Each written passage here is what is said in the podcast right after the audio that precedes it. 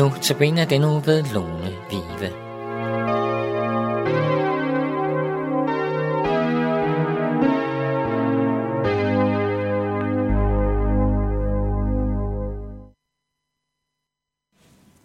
Andagten i dag skal handle om Guds kærlighed. I denne søde juletid mindes vi dengang Guds søn Jesus, der var guddommelig som sin himmelske far, blev født som et menneskebarn og kom til vores jord.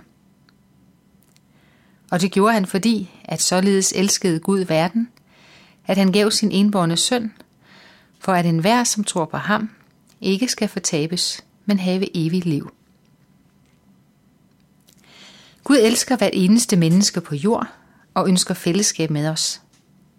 Men fordi Gud er hellig, det vil sige fuldstændig ren og retfærdig, lojal og kærlig med videre, måtte Gud have gjort op med synden. Gud tåler ikke synden. Det vil sige ondskab, snyd og bedrag, at vi slår andre ihjel, eller er utro. Alt, hvad der er ukærligt. Gud er kærlighed, og da han ikke kan gå sit eget væsen imod, kan han ikke være ukærlig. Og det betyder, at så kan Gud ikke være sammen med os mennesker, som han har skabt og elsker. For siden syndefaldet har vi løjet og bedraget, vendt Gud ryggen og opført os ukærligt. Derfor måtte Jesus dø på korset. Da han døde på korset efter store smerter og var blevet totalt ydmyget af mennesker, blev straffen for alle menneskers synder betalt, og herefter er et hvert menneske ren og retfærdigt og himlen værdig, som tror på, at Jesus er Guds søn og menneskers frelser. Han, som ikke sparede sin egen søn, men gav ham hen for os alle, vil han ikke med ham skænke os alt. Romerne 8, 32 Og hvis Gud ikke forholdt os sin eneste søn, er der da overhovedet noget, Gud vil forholde os, noget som vi har brug for. Må han så ikke også ganske gratis vil give os alt, hvad han anser for bedst og rigtigst for os. Det er ikke sikkert, at Gud giver dig et godt helbred, økonomisk velstand, et smukt yder eller en strålende karriere. Succes er lige så lidt et tegn på Guds kærlighed, som problemer er et tegn på Guds ligegyldighed. Så hvis du går omkring kroniske smerter i skulder og ryg, som har gjort dig arbejdsløs oven i købet, og livet er alt andet end en dans på roser, så må du heller ikke forhastet konkludere, at Gud elsker ikke mig, for så havde han forhindret, at jeg fik kroniske smerter i min skulder og ryg, og alle de andre problemer, der er fulgt med. Nej, for succes er lige så lidt et tegn på Guds kærlighed, som problemer er et tegn på Guds manglende kærlighed til dig. Husk det. Gud tænker anderledes end os mennesker. For Gud er det at have succes her på jorden en mindre uvæsentlig ting, i forhold til dette med, at han gerne vil frelse os fra fortabelsen og give os evigt liv sammen med ham. Så alt, der leder et menneske til frelse, er bedst og rigtigst, set med Guds øjne. Og set med Guds øjne er de 70-80 år, vi lever her på jorden, ingen tid, sammenlignet med, at vi skal leve i en evighed sammen med ham. Ja, når vi dør, altså når vores krop siger stop, skal vores sjæl iklædes en ny krop, der ikke mere forgår, og fra dag af skal vi aldrig ophøre med at eksistere. Mærkelig tanke, ikke? Vi skal simpelthen for altid leve sammen med Gud. Og der skal vi kunne se ham også, og høre ham hele tiden. Og være glade og tilfredse hele tiden. Vores sjæl bliver mættet og længes ikke mere. Vi priser Gud. Så hvad gør du, når du føler dig uelsket og ensom? Eller når der er mennesker, du har svært ved at elske, selvom du godt ved, at det burde du. For Gud har sagt, at du skal elske din næste, og det vil sige alle mennesker som dig selv.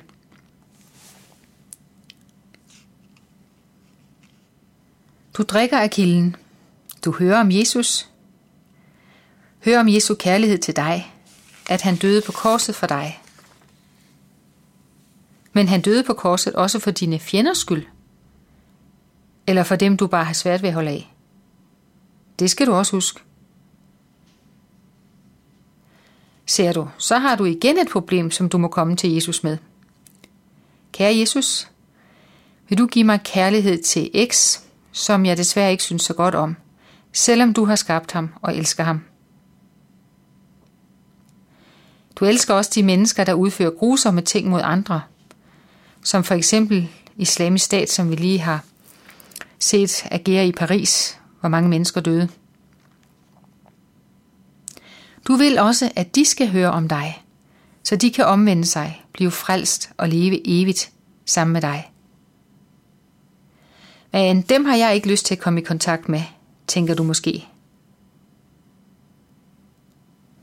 Dog vil jeg bede dig om, at du ved din ånd og dit ord også vil drage dem til dig, så de får chancen for at tage imod frelsen i Jesus. Det kan du i hvert fald bede. Hvis det er nogle mennesker, du synes er så ondskabsfulde og så farlige, at du ikke kan lide at stå over for dem, så kan du bede Gud om at frelske, frelse de mennesker, for det kan han jo gøre.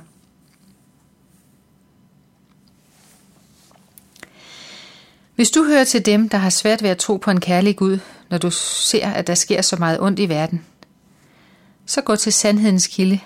Gå til Guds ord, og det vil forklare dig hvorfor, og give dig styrke til at leve i denne onde verden. Fordi du vil indse, at de, der vælger at tro på Jesus som frelser, har en almægtig ven og Gud. En, der har overvundet det onde. Jesus har sejret over det onde, står der. Når vi beder i Jesu navn, må Satan fordufte, og han ved godt, at Jesus er stærkere end han. Vi skal derimod, os mennesker, vi skal ikke lægge os ud med Satan. Det vil ikke gå så godt. Du kan godt bede i Jesu Kristi navn, vi bag mig Satan. Men du skal ikke indleder dig på noget som helst med djævlen. Din Herre Jesus Kristus har overvundet djævlen, men du har ikke den slags kræfter. Ja, Satan. Hvem er han egentlig? Vidste du, at Satan også er blevet kaldt Lucifer oprindeligt? Lucifer er eller var en højtstående engel i Guds rige. Lucifer betyder også morgenstjernen. Men der er ikke længere noget strålende over Lucifer. Han er en rigtig lyseslukker. For han, der oplyser verden og fører os gennem mørket, både i vores sind og i verden. Han, Jesus Kristus, er det sande lys. Den, der oplyser vores sind, så vi indser, at vi har brug for at komme til ham, for at blive frelst såvel for egen som djævelens ondskab. Det gør djævlen alt for at forpure. Djævlen ønsker med alle midler at overtage Guds plads. Det er derfor, at han også kaldes den faldende morgenstjerne. For at overtage Guds plads kan ingen. Gud sidder på tronen nu og i al evighed. Amen.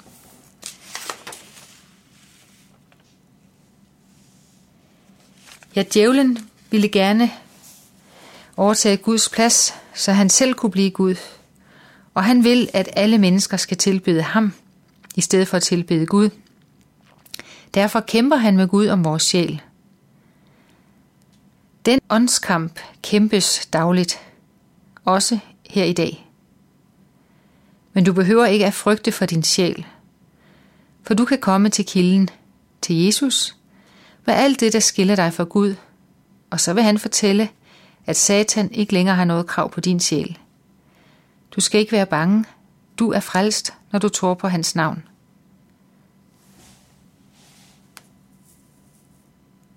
Jesu navn er netop det navn, som djævlen ikke kan fordrage at høre.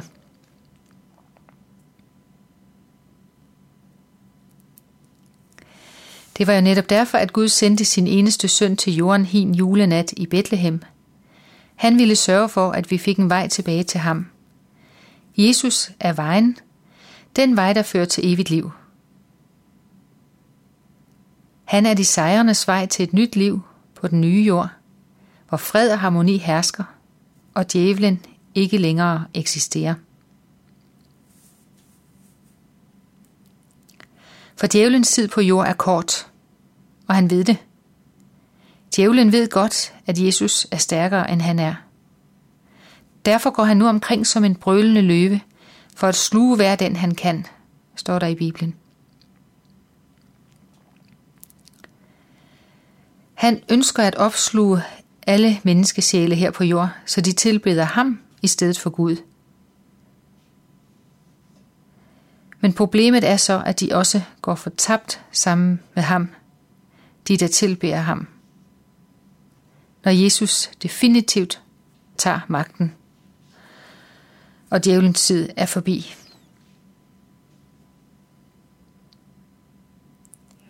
Men hvad enten du, der har lyttet nu, tror du er frelst i troen på Jesus, eller ved, at det er du i hvert fald ikke, så opsøg Jesus ved at bede ham om at komme ind i dit liv og overbevise dig om, at han er til. Sådan blev jeg selv frelst, ved at bede Gud om, at han ved sin helligånd ville overbevise mig om, at han var til. Sandhedsånd overbeviste mig om, at Gud er til. Og senere lærte jeg ved at læse i Bibelen med kristne, som kendte deres Bibel godt, at jeg bliver frelst med Jesus, når jeg tager imod det, han gjorde for mig på korset. Så er jeg nemlig ren og retfærdigt, set med Guds øjne. Og så har Satan ikke længere adgang til min sjæl. I dåben får vi Helligånden som gave. Det er derfor, det er så vigtigt at blive døbt.